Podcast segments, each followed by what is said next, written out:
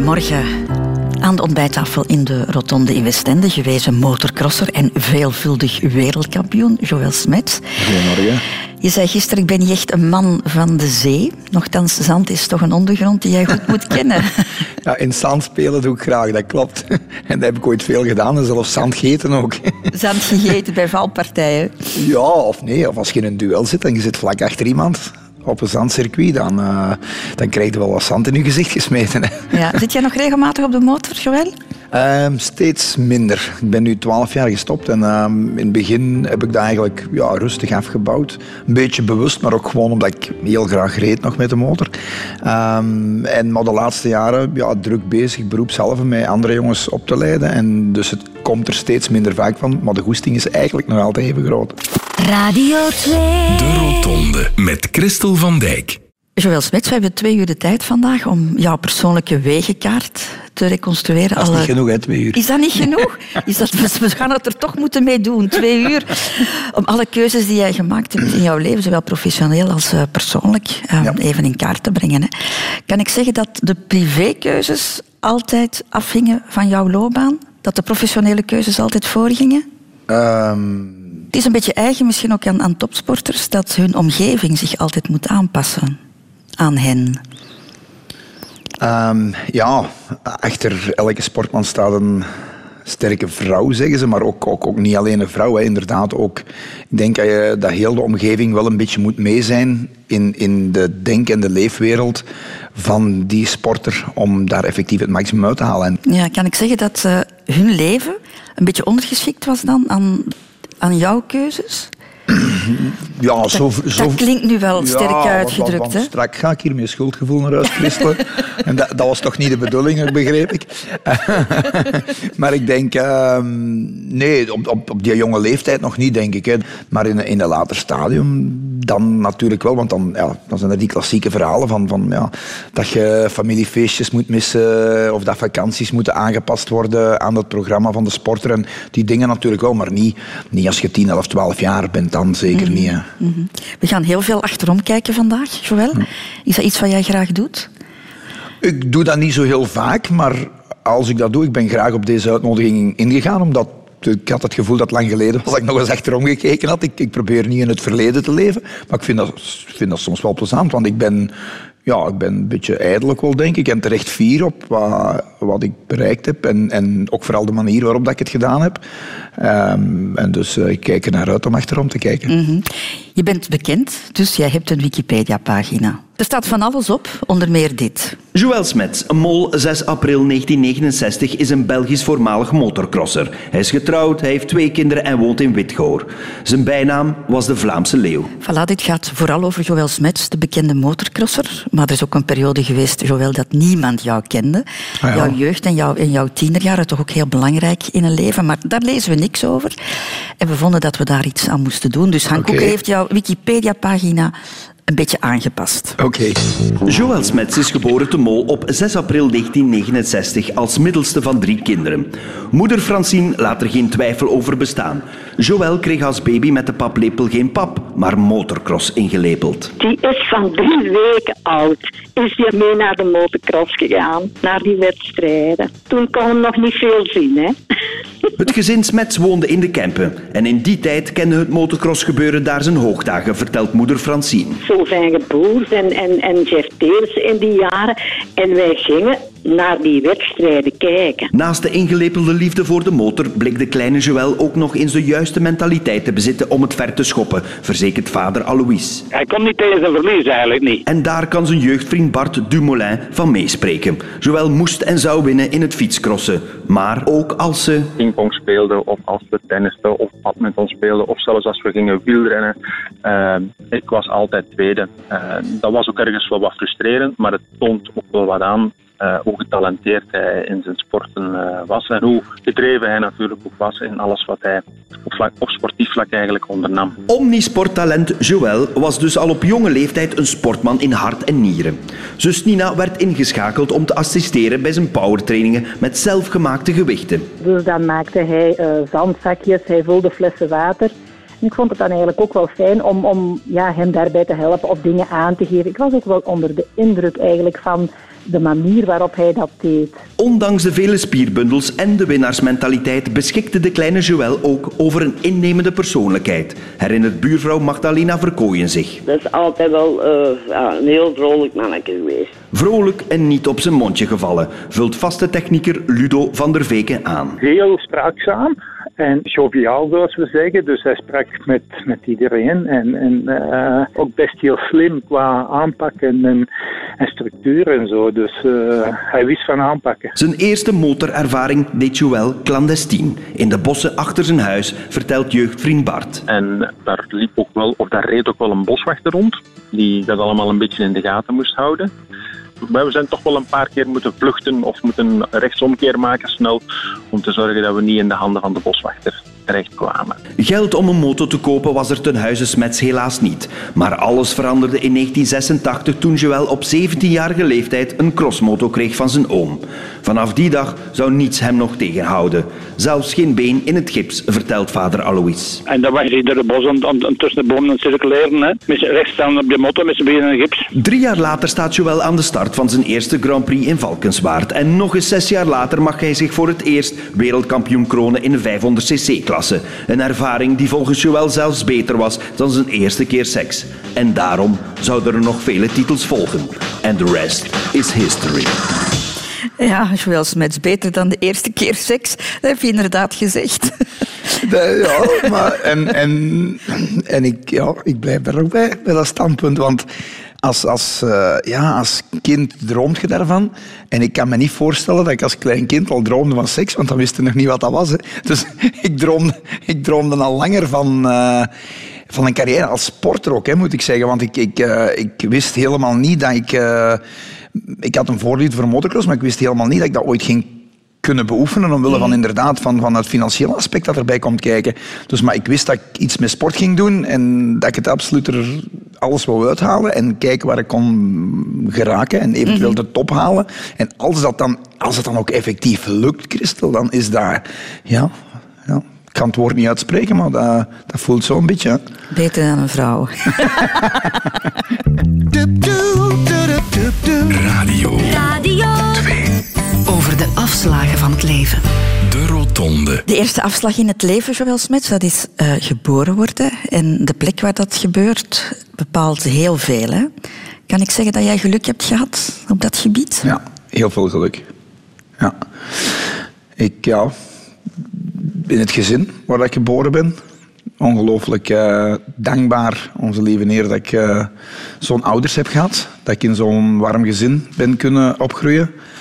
Met heel veel, omringd met heel veel liefde, broer en zus. En, uh, dus dat sowieso. Maar ook de locatie waar ik geboren ben. Um, ik hou enorm veel van de natuur en van de bossen. En, en ja, dus ook wat dat betreft ben ik daar op de grens tussen Dessel en Molpostel in een van de meest bosrijke omgevingen van België nog, denk ik, of van Vlaanderen toch in ieder geval, uh, ben ik geboren. Dus ik heb uh, een ongelooflijk mooie jeugd gehad. Je wou boer worden, hè? Ja, als kind. Ja, hè? Dat... ik, ik, ik, ik wou constant eigenlijk met de natuur bezig zijn, met hetgeen dat, uh, ja, dat de aarde ons geeft en, en, en daarmee bezig zijn. Dat sprak mij inderdaad enorm aan. Ja. Mm -hmm. Je hebt nog een, een, een broer en, en een zus. Een broer die toch ook wel wat ouder is dan jij, dacht ja, ik. Je broer was vijf jaar ouder en je zus zeven jaar jonger. Heel veel leeftijdsverschil hè? Ja, maar... Ja, en als kind besefte dat niet natuurlijk. Uh, dus ja, dat heeft voordelen ook. Want ik, ik moest met mijn broer geen ruzie maken, want hij was veel sterker als ik. En, en ja, ik kon met mijn zus ook geen ruzie maken, want die was een stuk jonger dan ik. Dus dat zou ook niet eerlijk zijn als, als jongen en dan met, met jongere meisjes een ruzie maken. Uh, dus maar van mijn broer, die was dan weer heel veel met techniek en zo bezig. Dus daar heb ik, uh, dat interesseerde mij ook enorm. Um, sleutelen dan van alles en nog wat. En in ons geval dan was het dan in het begin fietsen en brommertjes. En, en, en mijn uh, broer is dan automechaniker geworden. Um, dus dan later werden dat dan auto's. Maar als die in, uh, in automechanica zat als hij 16 jaar was, ja, dan was ik nog maar 11 jaar. Maar dan mocht ik af en toe wat meesleutelen aan die auto's en zo. Dat is dus, jou later van pas gekomen? Ja, en dat is me inderdaad, die, die, die kennis en zo wat die ervaring die ik daar heb opgedaan, dat is me later van pas gekomen. Maar ook op die moment genoot ik daar ook van. Dus mijn broer, oké, okay, die was wel ouder en die had, die had zijn vrienden. En ja, omgekeerd was dat soms een beetje lastiger, denk ik. Want ik denk dat ik soms wel een beetje een last aan zijn been was. dat ik daar al als, als kleine snotter altijd een beetje mee meeliep. Maar uh, nee, en, en ja, met mijn zus omgekeerd ook. Ik, was, allee, ik voelde mij daar soms een beetje verantwoordelijk voor. En als die mhm. geboren werd, dan mocht ik die, allee, die pampers verversen en zo. Allee, was een man, ik was 7 of 8 jaar, was dat zo toch wel een heel uitdaging om dat te kunnen en te mogen doen. Dus ik voelde mij zo wel verantwoordelijk wat daarvoor. En, ja, en dat, klikt, dat klikt nog altijd heel goed met mijn broer en zus. Dus dat is, dat is plezant. Hè. Wat vonden jouw ouders belangrijk voor hun kinderen? Welke waarden wilden zij jullie meegeven? Ja, ik denk, zoals misschien wel de meeste ouders, maar eerlijkheid en respect. Hè. Dat, dat zijn denk ik uh, zaken die helaas de dag van vandaag in de maatschappij iets te weinig uh, voorkomen. En, en, en die misschien wel meer zouden moeten meegegeven worden met de kinderen. Maar, maar uh, mens, mens en natuur rondom u respecteren en, en, en eerlijk zijn. Mm -hmm. Heb je ooit moeten afzetten tegen jouw ouders? Oh, Zijn er moeilijke jaren geweest? ik denk niet ik herinner me precies niet dat ik, uh, dat ik heel zwaar gepubert heb. Omdat eigenlijk op die moment was ik uh, zo die leeftijd van ja, 15, 16, 17 jaar vooral. Als ik het begin van dat crossen ook. Ja, dan was ik vooral heel veel met sport bezig. Hè. Dus ik, ik, ik, moest niet met mijn ouders discussiëren over hoe laat ik moest thuis zijn van een of ander vuif of zo. Mm. Want ja, of ik ging niet naar de vuif of ik kwam op tijd naar huis. Dus dat, dat, dat zijn zo denk ik een beetje de klassieke twistpunten of zo. Dus uh, ik kan me niet herinneren dat ik daar met mijn ouders zwaar problemen mee over gehad heb. Ja, je was een heel actief kind, Joël. Ja. Je kon moeilijk stilzitten, hè? Ja, ik kon niet stilzitten. Hè. Ik ging, en, en, en ja, wij hadden ook, ja, doordat we in de bossen woonden en we woonden dan vlak naast het kanaal. En, en, en allee, dat, dat, dat was, dat was een, een wereld van mogelijkheden daar om u, om u actief bezig te houden. En oké, er zijn kinderen, ik merk dat niet ook, want we wonen eigenlijk daar nu nog, maar ik merk mijn, mijn kinderen, ja, die, die, die vinden dat niet meer zo leuk om in een boom te klimmen. Hè. Maar ik wou bij ons in het bos, in elke boom, wou ik wel eens geprobeerd hebben om daarin te klimmen of zo. Dus... Maar typeert jou wel, hè? Ja. Van alles willen uitproberen en dan ook nog uitblinken. Hè? Want alles wat jij deed, daarin wou jij winnen. Dat, dat zat er inderdaad, want als we met twee in een boom klommen, dan wou ik wel het hoogste klimmen. Ja. meestal, of, het, of, of als, als we alle twee even hoog klommen, dan moest ik eerst boven zijn of zo. Ja, dat, dat, dat zat er. Maar ik heb dat, hoe moet ik zeggen, ik heb dat niet. Um, ik, ik, ik wist wel van mezelf dat ik altijd heel graag wou winnen. Maar ik ervaarde dat niet als dat dat iets negatiefs was ten opzichte van mijn kameraden, zeg maar. Mhm. Tenminste, dat, dat, hoop ik toch. Radio 2. De Rotonde. De keuze voor de motorsport, Joël Smets, die was heel snel gemaakt. Hè? Je was nog heel jong, hè? Ja, zoals mijn, mijn moeder daar straks hebben horen zeggen. Oké, zij waren, ze waren natuurlijk motorsport, motocross-liefhebbers. Maar ik herinner dat vooral mijn vader ook. Dat was een, een, een hele een sportliefhebber, heel algemeen. Uh, bij ons thuis werd ook uh, naar voetbal, wielrennen, tennis.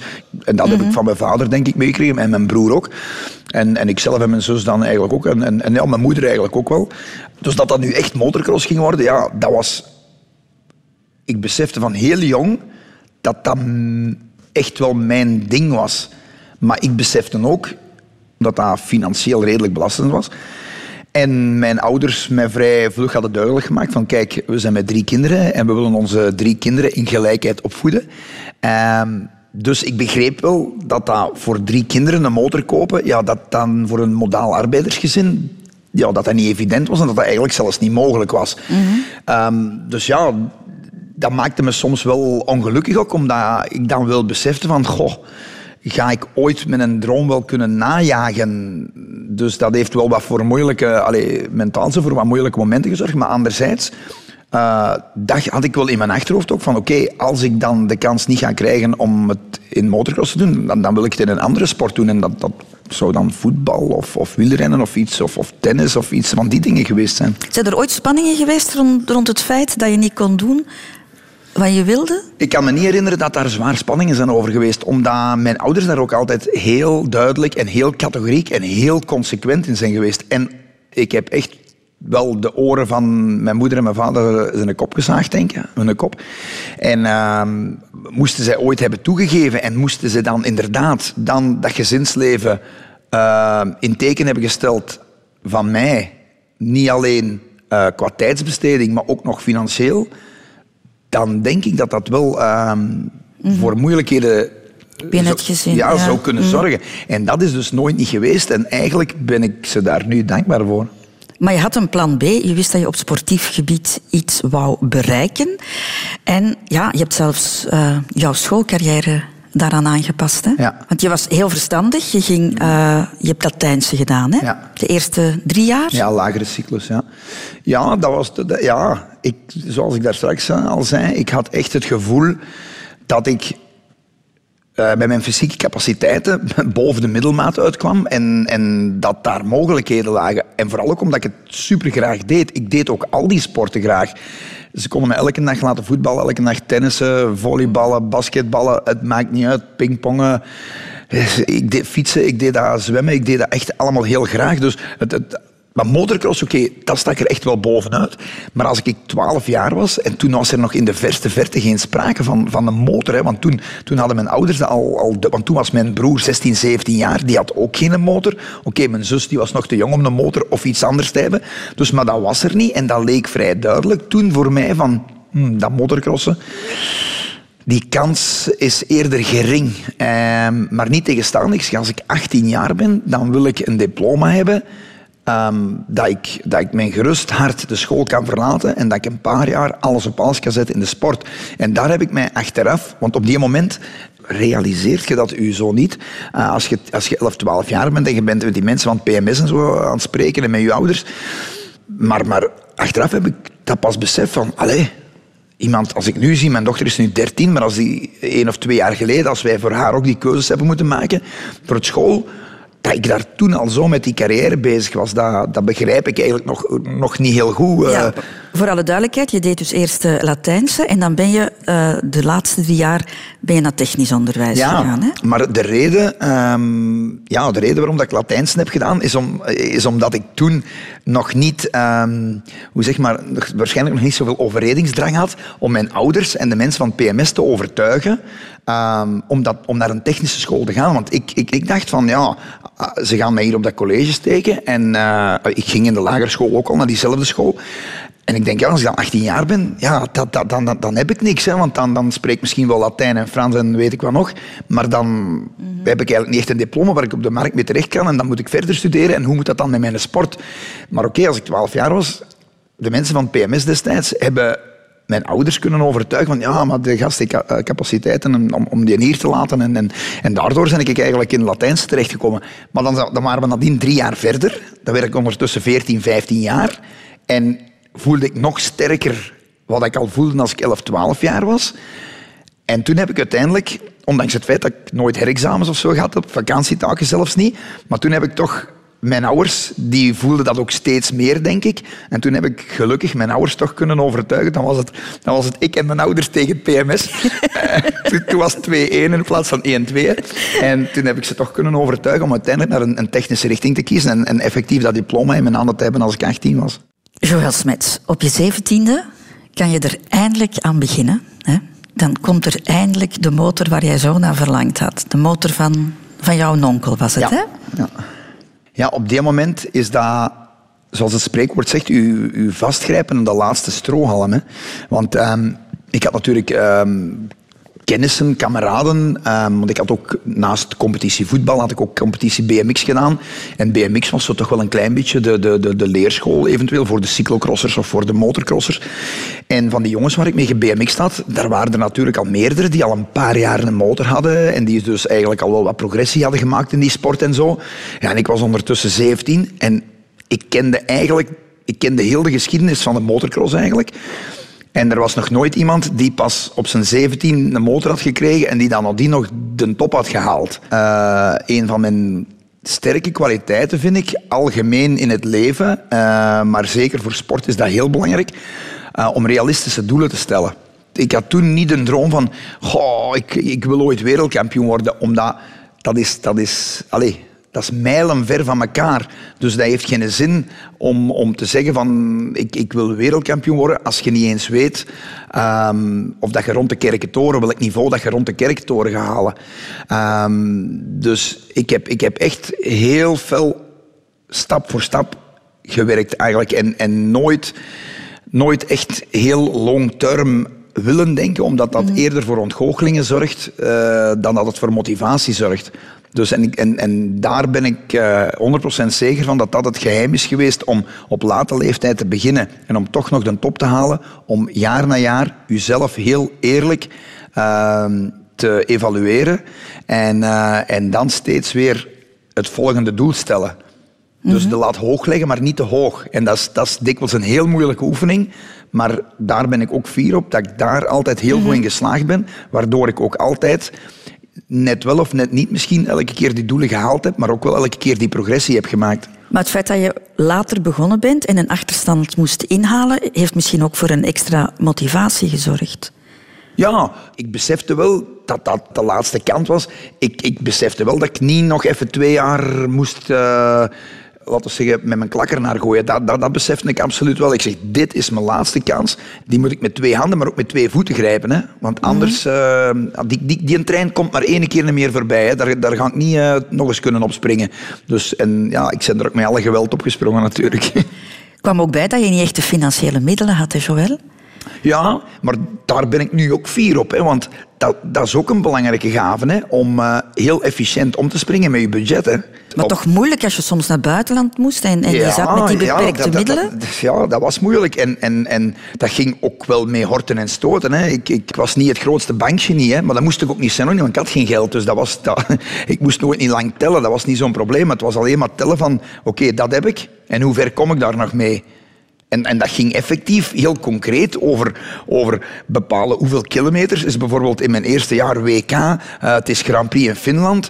Uh, Oké, even kijken, langs waar ik daar naartoe? Nu is het allemaal Google Maps en toestanden, maar, maar eh, ja, eind jaren 80, begin jaren 90 bestond dat allemaal niet. Dus je ging dat een beetje uittellen van hoe ver dat dan was.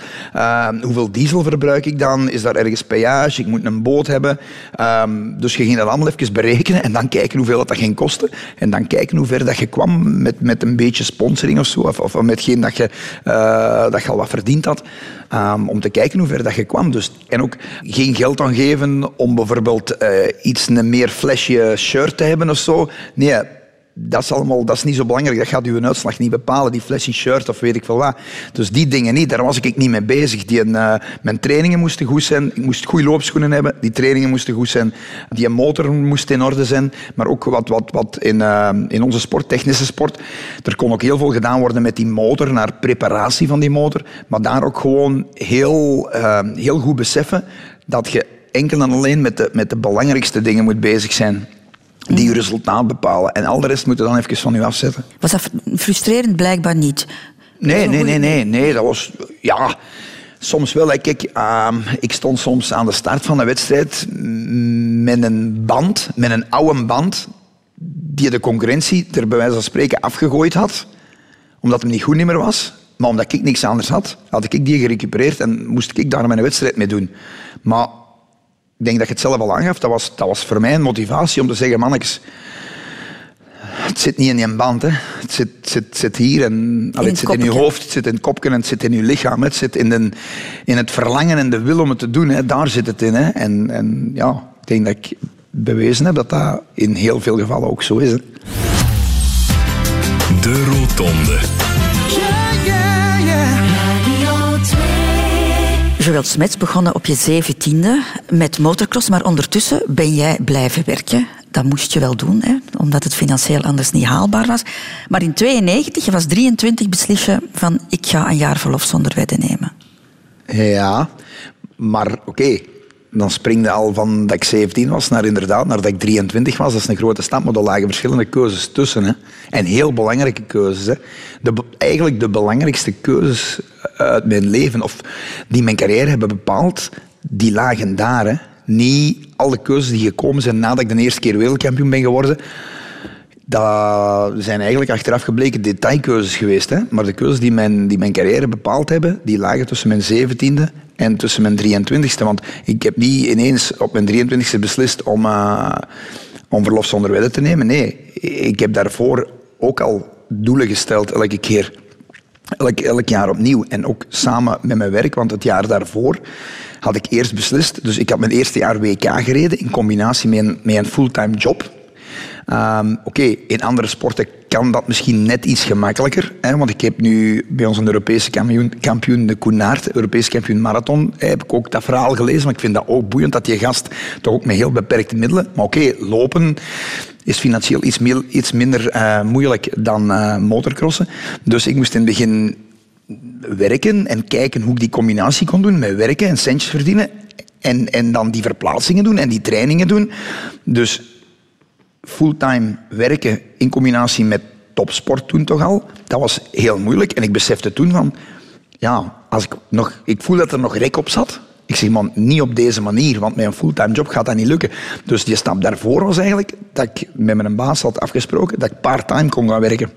Waardoor ik niet meteen meer tijd had om te trainen, maar de vrijgekomen tijd ietsje meer kon recupereren en kon rusten. Waardoor mijn trainingen meer efficiënt werden en waardoor dat ik echt weer een serieuze stap vooruit had gezet. En toen is eigenlijk in uh, eind 91, toen werd ik al top 20 in het WK. En ik voelde dat dat nog niet het einde was. En ik wou kijken of er nog meer in zat. En dan heb ik inderdaad de keuze gemaakt om, kijk, ik ga nu echt mijn loon laten vallen. Ik kon een klein beetje verdienen met mijn sport. Ik zeg, ik ga dat allemaal terug investeren, maximaal inzetten en kijken waar ik kom. En toen ben ik in 91 van de 17e plaats in de WK ben ik in 92 effectief naar de vierde plaats in het WK gesprongen.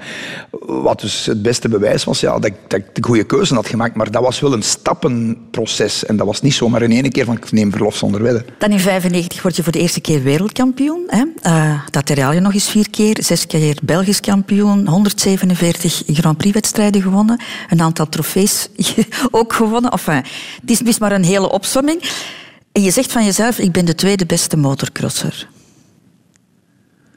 Heb je dat ooit gezegd? Ja, dat heb je ehm, verschillende keren gezegd. Ah, oké. En wie was een beste dan? Jouw grote rivaal. Ah, ja, oké. Ja, ik... Stefan Evert. Ja, ah, ja, maar ik denk dat dat ook... Um, ja, ik, mijn ouders hebben gezegd dat we eerlijk moesten zijn en zo. Dus en ik, en ik heb daar... Kijk, Stefan heeft tien wereldtitels. Wij hebben een echt een heel andere weg uh, afgelegd in onze carrière. Stefan had de vader die wereldkampioen was. Dus ik maak die vergelijking niet graag, maar ik heb ongelooflijk veel respect voor Stefan. Nog altijd. En iemand die tien wereldtitels heeft gehaald, ik heb er vijf. Uh, wie ben ik dan om te zeggen dat ik beter ben dan Stefan? Dat is, dat is gewoon niet. Hè. Maar was dat genoeg voor jou, de winnaar die jij bent, de tweede beste zijn? Ja, ik heb dat, met ouder te worden, heb ik dan wel inderdaad uh, beter, kunnen, beter leren plaatsen. Ja. Door de weg die ik heb afgelegd naar de top, kan ik me daarmee verzoenen. En dan kan ik, dan kan ik misschien wel denken van... Goh, verdorie, moest ik de geschiedenis hebben gehad die een, of het parcours hebben kunnen afleggen die een Stefan Everts heeft afgelegd, misschien had ik dan ook tien wereldtitels gehaald. Maar ik vind, dan, ik vind het niet dankbaar om zo te denken. Mhm. Ik ben bijzonder dankbaar voor hetgeen dat ik wel behaald heb. En, en ik ben niet ongelukkig voor hetgeen dat ik niet of eventueel had kunnen behalen. Ik denk, als ik zie de weg die ik heb, heb afgelegd en de resultaten die ik daar uiteindelijk nog heb gehaald en de carrière die ik gemaakt heb, als ik daar ongelukkig over zou zijn, ja, dan zou ik met mezelf niet kunnen leven. Maar was het dus- niet moeilijk in de tijd om jouw koningsrol af te staan? Ja, dat, dat, dat, was niet gemakkelijk, maar ehm, als, als de realist die ik altijd was, hè, zo dat een beetje de rode draad door, door mijn carrière en door het gesprek hier ook, heb ik het niet altijd even gemakkelijk gehad om dat te plaatsen. Maar mijn, mijn gevoel voor realiteit heeft me wel altijd geholpen om me er toch over te zetten. Want inderdaad, op bepaalde momenten dacht je van... Ja, ja, maar je kunt de klok niet terugdraaien. Ik was, ik was 26 als ik de eerste keer wereldkampioen werd. Stefan was, dacht ik, 19. Ja, dat kun je niet veranderen. En daar hoefde niet jaloers voor te zijn op iemand anders. Ik bedoel, het is ook niet zijn schuld dat hij die kansen heeft gekregen. Dus ik heb uh, bijzonder veel respect, zoals al gezegd, voor hetgeen wat hij gepresteerd heeft. Maar om, omgekeerd ook. Dus, uh, en, en dat is het mooie eraan. Zullen we het eens over de liefde hebben? Joël Smet. Waarom lach je zo? Ja, dat is een boeiend gespreksonderwerp, Christel. Belangrijke keuze ook in het leven, hè? Ja, absoluut. absoluut. Wat voor verwachtingen had jij als tiener daarvan?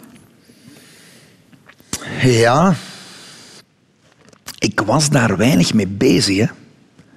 Ik was uh, geweldig um, ja, sportief georiënteerd, hè. dat moet ik denk niet uitleggen.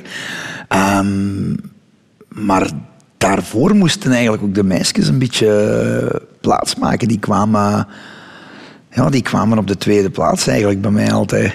Mm -hmm. Ik weet ook niet of dat het samen zou kunnen. Ik, ik, ik heb nog nooit ehm, het afgetoetst met, met, met collega topsporters uit andere sporten of zo. In hoeverre dat zij op jonge leeftijd heel veel met hun sport bezig waren, maar ook heel veel met achter de meisjes aanlopen. Het lijkt mij niet een ideale combinatie. Dus ik, ik, ik weet niet of er zijn die het uh, wel gecombineerd hebben. Maar ik weet wel dat er, uh, ik weet wel dat er toppers zijn geweest. Of toppers in spe die het niet gered hebben omwille van mm. hun leven naast de sport. Um, dus daarom ben ik blij dat ik uh, ook daar de juiste keuze heb gemaakt. Ja, je hebt je vrouw, Nancy, al op heel jonge leeftijd leren kennen. Hè? Was je 18, denk ik? Vind je dat heel jong? Om daar dan bij te blijven.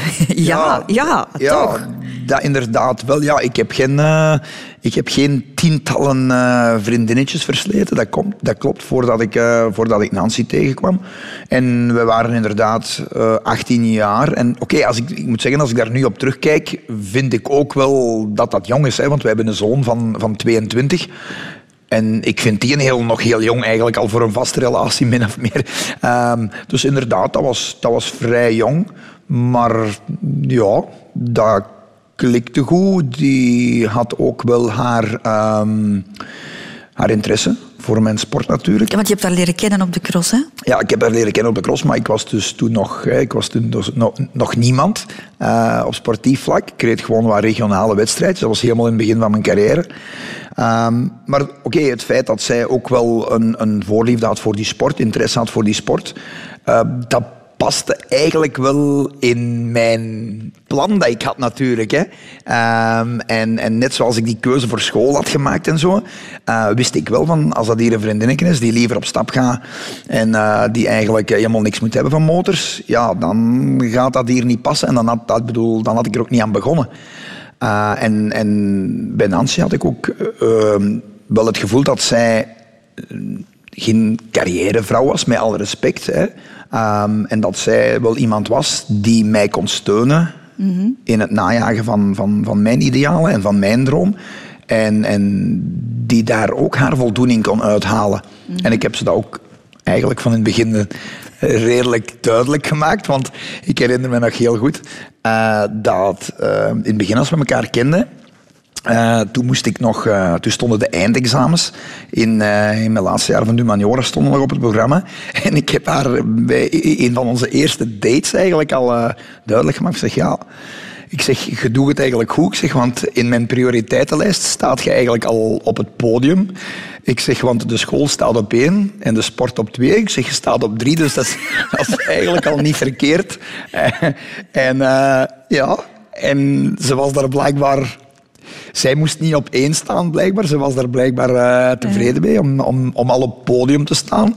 En ja, dat maakt dat ik daar wel... Uh, dat ik daar wel toekomst in zag. En ja, dat is ook wel gebleken. Hè. Maar eigenlijk vroeg je wel veel hè, van haar. Besefte je dat toen? Ja, maar je kunt het ook beter op voorhand afspreken. Hè? Ja, ja. ja. ja, als, je, als je er achteraf niet afkomt, Christel, dan wordt het moeilijk. Hè? Er zijn heel veel relaties helaas misgelopen. En ja, we zijn nu 30 jaar samen, dus uh, goede afspraken, maar goed vrienden en blijkbaar ook in de liefde. Hè? Maar, maar um, zij kon zich daar tevreden mee stellen. En, en dat is ook gebleken. Zij is heel mijn carrière is zij in mijn schaduw een, een, sterke kracht geweest in mijn schaduw. En, en ja, dat, dat, is eigenlijk perfect uitgewerkt. En heb ik daar geluk mee gehad? Misschien voor een stuk wel, maar ik geloof ook heel sterk dat je geluk zelf kunt afdwingen. Zoals jij heel jouw uh, carrière rationeel hebt aangepakt, heb je het op dat gebied eigenlijk ook op die manier gedaan? Ja, eigenlijk wel. Ja. Heeft dat nooit voor wrijvingen gezorgd? Um, nee, nee, Nancy heeft zich daar uh, eigenlijk bewonderenswaardig goed in kunnen schikken. Die wist dat wij in de zomer niet, uh, niet naar Westende bad moesten komen om hier drie dagen op strand te liggen. Want ja, dat, dat paste niet in mijn schema. Hè. Dus die wist dat en die paste zich daaraan aan. En, en, maar oké, ik compenseerde dat ook wel op andere momenten. Dus ik bedoel, ik had ook wel aandacht voor quality time met mijn gezin. Hè, want in het begin oké, dan met de vrouw. Maar dan nadien ook hè, met Greg die er dan al was. Dus zij heeft zich daar altijd wel... Uh, ik, ik, heb nooit het gevoel gehad tenminste, want dan hadden we ook denk ik niet meer samen geweest. Ik heb nooit het gevoel gehad dat zij daar ongelukkig bij was. Absoluut niet. Zij, zij, zij genoot mee, maar zij is echt iemand die niet die zal, die, zo, die zal je op foto's nooit op de eerste rij of zo zien staan. Die, die, die, die ging eerder achter het hoekje staan. Die hoefde daar niet op te staan. Maar die genoot daar enorm van mee. Daar, daar, daar ben ik wel van overtuigd. Radio 2. De Rotonde. Over de afslagen van het leven. Joël Smets, zullen we eens even de balans opmaken van wat de motorsport jou gekost heeft? Lichamelijk dan? Mag ik het even opnoemen? Gebroken kaakbeen, gebroken arm, gebroken linker en rechterpols, ontwrichte schouder, verschuiving van de heup, twee keer de kruisbanden van de linkerknie gescheurd, één keer die van de rechterknie, metalen plaatjes ingebracht in de rechter enkel, grote teen gebroken, wat verrekkingen, verstuikingen en ontstekingen. Het, het, klinkt nu ook uh, vrij impressionant als ik het zo op een rijken hoor. Uh, maar dat zijn dingen waar ik natuurlijk minder graag op, uh, op terugkijk. Maar ehm, ja, topsport Allee, we hebben afgelopen ronde van Frankrijk ook Philippe Gilbert uh, de ravijn zien ingaan. Uh, topsport, oud zijn risico's in natuurlijk. Maar um, ik, ik vind eerlijk gezegd van mezelf, en dat klinkt nu misschien stom omdat je juist dat lijstje hebt opgesomd. Maar ja, een gebroken teen en ik heb een barst in mijn pols gehad en zo. En ja, ik, ik, ik heb mijn kwetsuren gehad. Maar eigenlijk heb ik nu, ik, uh, ik heb daar geen gevolgen van. Ik voel mij eigenlijk behoorlijk fit. Dus ik heb, uh, afgezien van twee knieën die versleten zijn, maar ik kom, als ik op controle ga in het ziekenhuis, kom ik heel veel mensen van mijn leeftijd tegen die niet topsport hebben en die ook daar zitten omwille van last met hun knieën of iets anders. Dus ik denk dat dat niet abnormaal is. Maar ik heb voor de rest, uh, voor de rest heb ik eigenlijk van die kwetsuren die ik heb opgelopen, heb ik helemaal geen last meer. En je dus- loopt nog altijd elegant, Joël. Dus oei, oei. Dat, zal het niet aan liggen. dat was vroeger niet elegant, dat zal zeker zijn, nu niet eleganter zijn. Maar in 2004 loopt het bijna fout af. Je moet een knie op operatie uh, ondergaan toen. En dan uh, ja, kreeg je te kampen met een bacteriële infectie. Zeer ernstig. Ja, dat was wel even, dat was wel even schrikken inderdaad. Want kijk, een, een, een gebroken bot, dat weet je, dat heeft iedereen al wel eens meegemaakt. En, en dat heelt gewoon, hè. dat heeft gewoon zijn tijd nodig. Um, maar hier ja, werd ik geconfronteerd met iets waar dat ik... Ja, uh, waar dat je geen vat op hebt, of waar dat je niet kunt zeggen van oké, tijd heelt alles, want allee, in, in, het komt wel meer voor. En dat heeft dan ook weer niks te maken met de sport natuurlijk. Maar ik kreeg inderdaad een bacteriële infectie.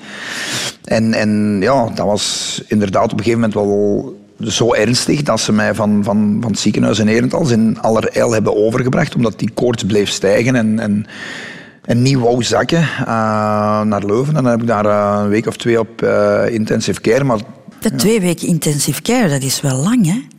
Ja, dat was ja, die koorts. Die, die, die koorts wou niet zakken. En, en dan bepaalde medicatie, dan andere medicatie uh, die dan wel aanslaat, die dus die, die bacterie wel kan, uh, kan doden. Dat, uh, dat heeft geduurd, ja. Ben je bang geweest in die periode? Ja, ik ben bang geweest. Ik ben in mijn leven nog niet dikwijls bang geweest. Um, maar toen, toen was ik bang. Hoe dicht heb je toen bij stoppen gestaan? Ja, daar denkt je dan niet aan. Dat, daar, dat, dan ben je met overleven bezig. Ja, maar ik bedoel daarna. Hè? Ah, daarna.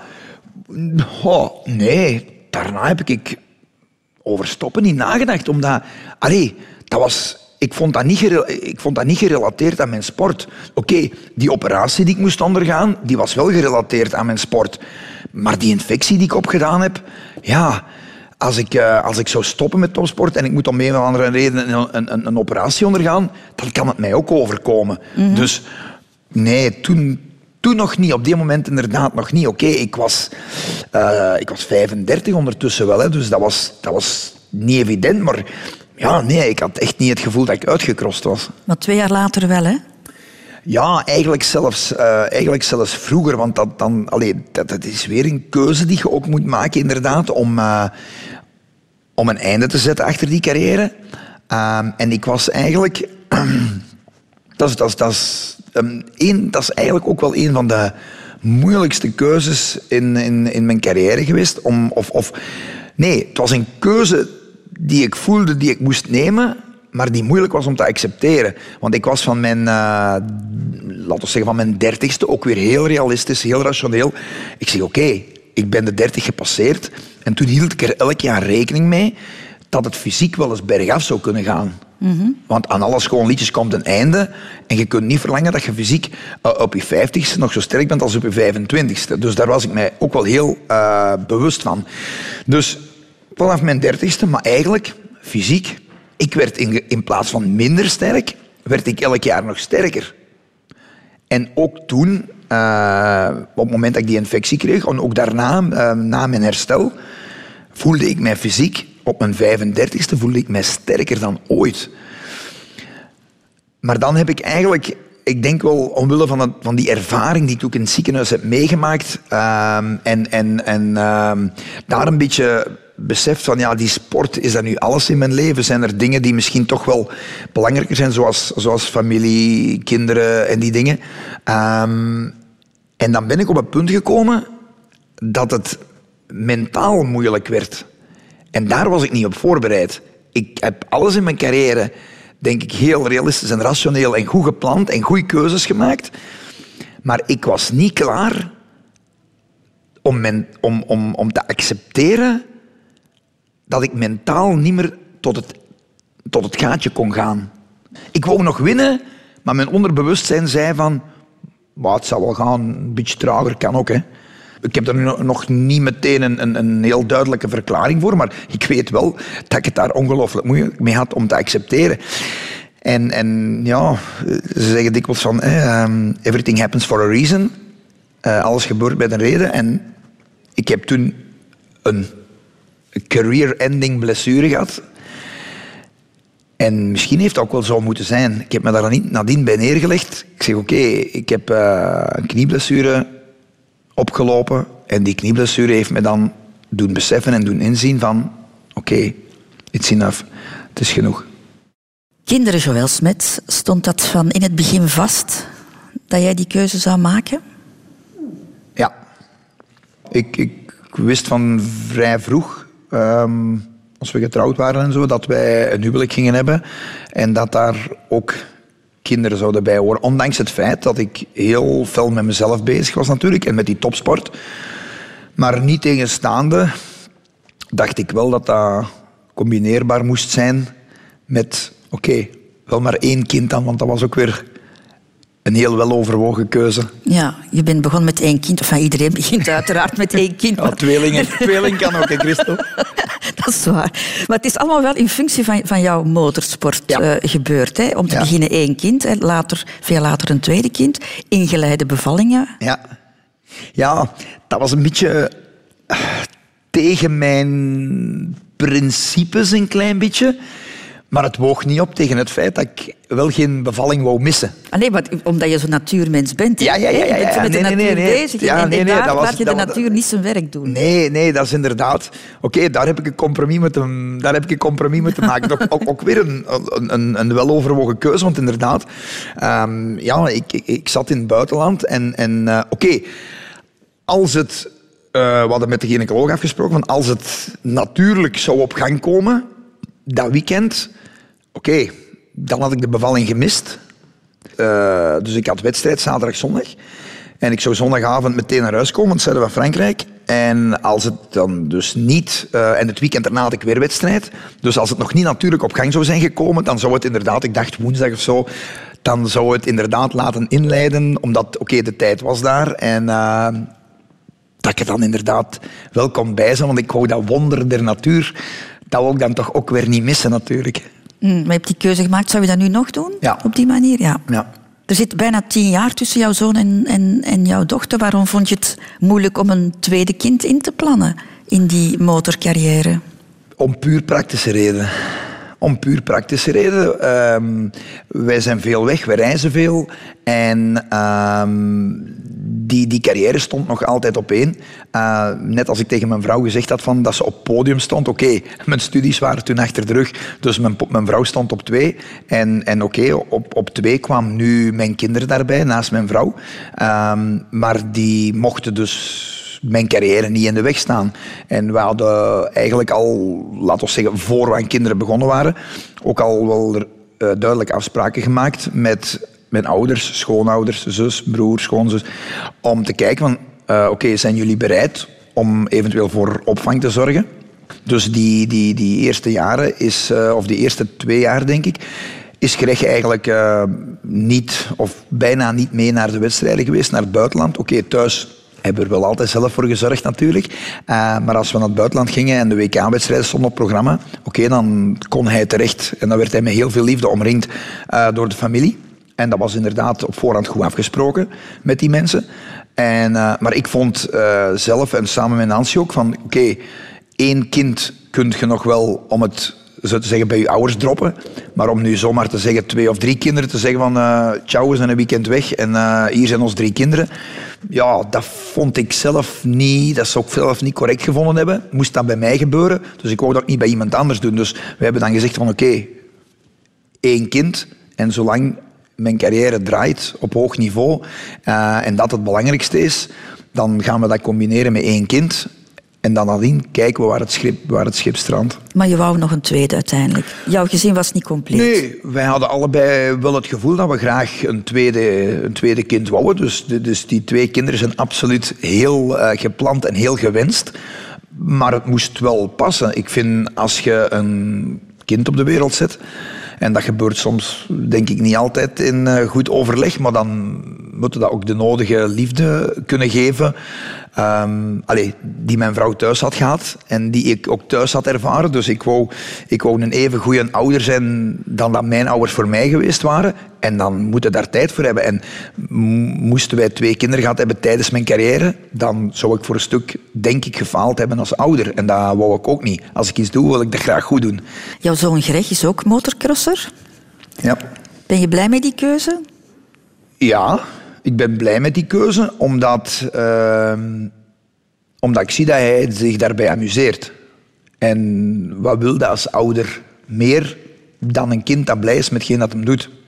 Ik bedoel, hij heeft altijd gevoetbald. Um, hij is eigenlijk ook pas laat begonnen. Um, ook op zijn zeventiende, hè? Ja, maar, maar hij had dan in principe... Hij, het, het grote verschil met mijn verhaal is dat Moest hij, het, uh, moest hij zo aan mijn oren gezaagd hebben, zoals ik destijds bij mijn ouders heb gedaan, dan had hij waarschijnlijk wel vroeger de mogelijkheden gekregen om het te doen. Uh, maar hij heeft niet aan mijn oren gezaagd. Dus het is ook volledig, dat vond ik ook belangrijk, het is volledig zijn keuze om aan motocross te doen.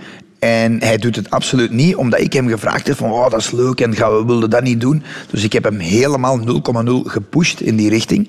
Uh, en, dus, en nu, zie ik, nu, nu, nu weet ik dat hij het doet. Hij heeft er op een gegeven moment zelf achter gevraagd. En, en mm -hmm. ik zie dat hij het graag doet en dat hij er zich mee amuseert. Dus ja, dan ben ik blij daarmee. Hoe groot is de verleiding om je daar heel erg in te moeien? Groot.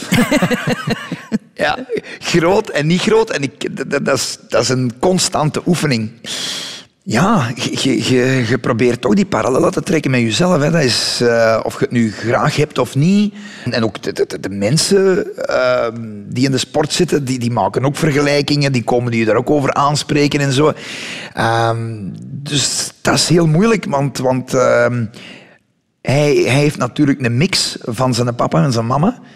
Uh, dus hij is, niet, hij is geen kopie van mij. Hè. Ik bedoel, veel mensen zeggen wel dat hij qua, qua, qua fysieke gelijkenissen uh, en zo, dat hij dat, dat die wel heel veel op mij gelijkt. Maar, bedoel, maar niet zo gedreven. Nee, karakterieel heeft hij een mengeling. En dat is ook maar goed ook, hè, dat er een stuk van de mama in zit. En, maar inderdaad, hij heeft, niet, hij heeft niet die gedrevenheid, die gebetenheid, die ambitie... Uh, die ik destijds had. En dat moet ook niet. Hij, hij, moet niet in mijn voetsporen treden. Dat is absoluut voor mij geen mijn... Uh, ik zal niet gelukkiger of minder gelukkig zijn als hij wel of niet in mijn voetsporen treedt. Het enige wat soms moeilijk is, is dat ik merk dat hij fysiek de capaciteiten heeft die ik destijds ook had. Hij heeft echt capaciteit om met zijn lichaam iets te doen. Hij heeft denk ik ook wel voldoende intelligentie om er iets mee te doen. Uh, hij heeft ook sporttechnisch het talent om eventueel er iets mee te doen. En ja, dan, dan denk ik soms verdorie. uh, moest hij die gedrevenheid hebben die, die, die ik destijds had, misschien, misschien kan hij er dan wel meer mee doen. Maar dat is... Allee, ik heb destijds de vrijheid gehad van mijn ouders om, om mijn keuzes te maken. En, en ik wil hem ook de vrijheid geven om zijn keuzes te maken. En, en, en zoals ik zei... Um, als hij, uh, als hij blij is met de manier waarop hij het doet en, en hoe hij het doet, en, en ja, hij is daar blij mee, dan, dan, dan ben ik daar op het einde van de dag uh, ook blij mee. De Rotonde. Radio 2. Radio 2. Joël Smets, volgend jaar word jij 50, hè? Volgens de medische encyclopedie zit jij dan ja, in de middelbare leeftijd. Hè? Hoe erg is het voor een sportman, een, een topsporter, om je lichaam te voelen verminderen? Ik gebruik niet het woord aftakelen, want dat is nee, bij jou nog niet aan de orde. Nee, maar ja, ik hoef daar niet uh, voor rond de pot te draaien, maar dat is niet, ik vind dat niet makkelijk. Ik vind dat niet makkelijk omdat... Het is in dit gesprek al dikwijls gezegd dat ik het gevoel had van heel jongs af aan dat ik met mijn fysieke capaciteiten het gevoel had boven de middelmaat uit te steken en dat daar dingen mee konden verwezenlijkt worden die anderen niet konden. En om dan vast te stellen dat dat langzaam bergaf gaat, is een... Ik vind dat niet altijd een heel makkelijk proces. Allee, ik, ik probeer altijd te focussen op wat, op wat ik wel kan, meer dan op wat ik niet meer kan.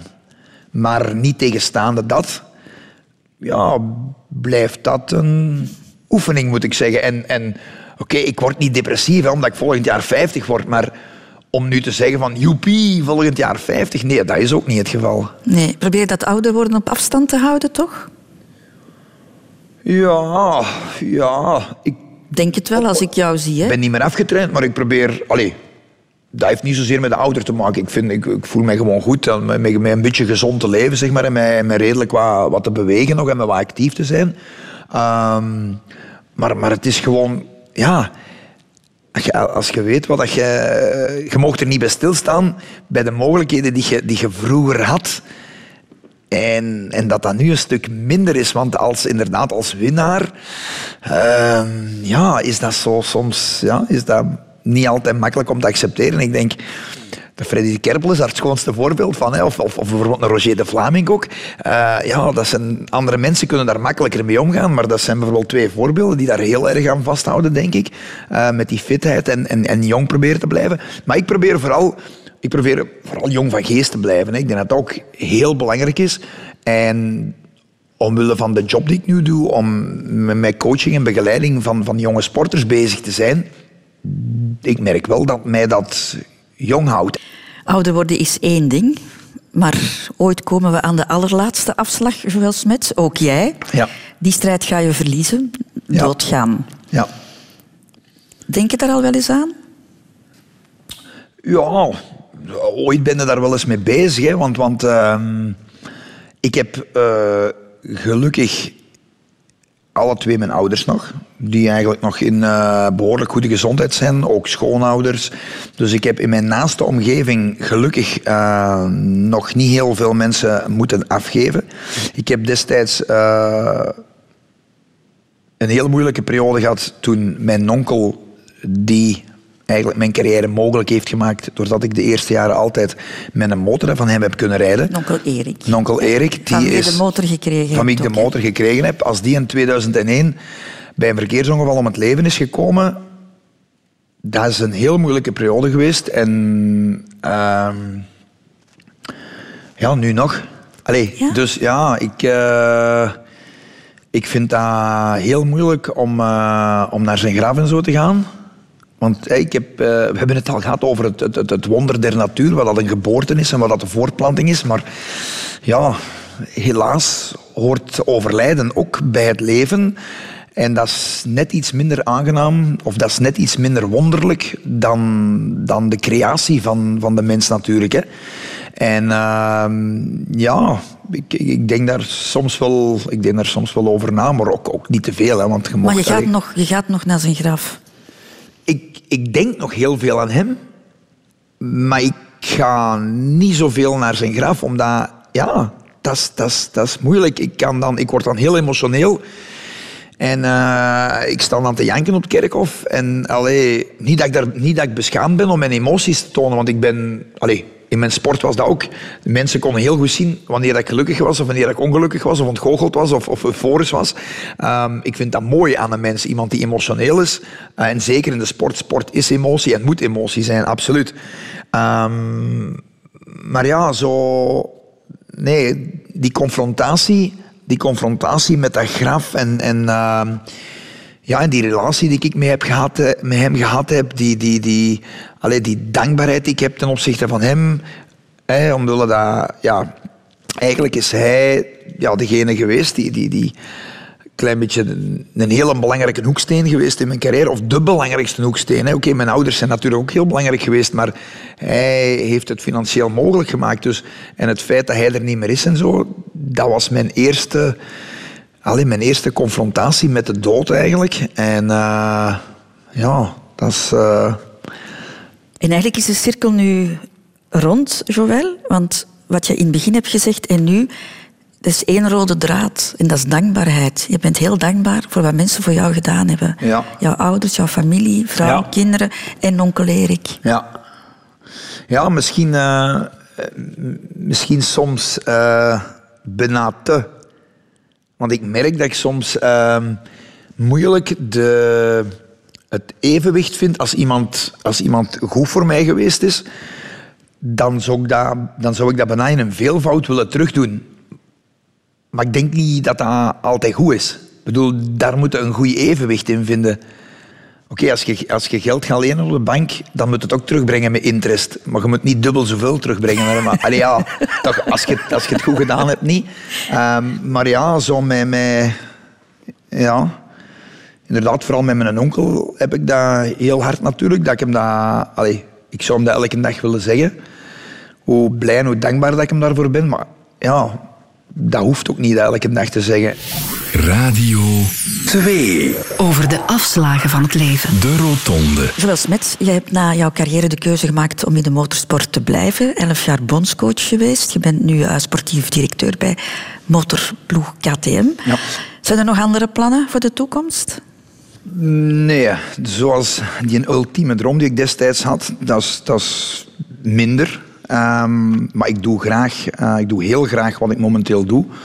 Dus ik kan mij wel voorstellen dat ik win nog graag. En met de ploeg waar ik nu mee bezig ben, kan ik constant meestrijden voor de overwinning. Dus uh, ik zie me dan nog wel enkele jaren doen. Maar geen andere dingen?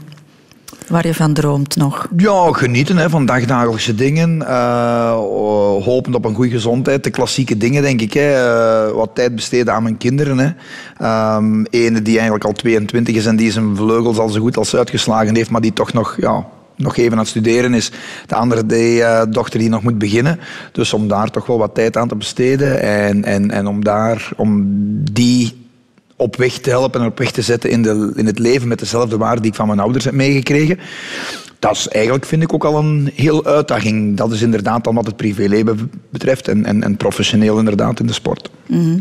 Ik vond het heel fijn om met jou te ontbijten, Joël Smets. Uh, ik heb een zeer dankbaar man aan tafel ja. gezien. Iemand die het maximum uit zijn carrière en uit het leven heeft gehaald. Ja. En, en dat, is, dat is heel mooi. Ja. Um, mijn gastenboek. Ja. Het is een gewoonte dat mijn gasten iets uh, in dat boek schrijven. Dus ik zou het fijn vinden mocht jij dat ook doen. Beste Christel, een dikke merci aan u en uw ploeg van de Rotonde voor de uitnodiging voor dit interview. Want met mijn 50ste verjaardag in het vooruitzicht was dit meer dan het ideale moment om eens uitgebreid terug te blikken op mijn werk en leven. En om dat te kunnen doen in dit prachtige kader en tussen warme en relaxte mensen maakte het helemaal geslaagd. Tot binnen tien jaar misschien. Zoals Smets.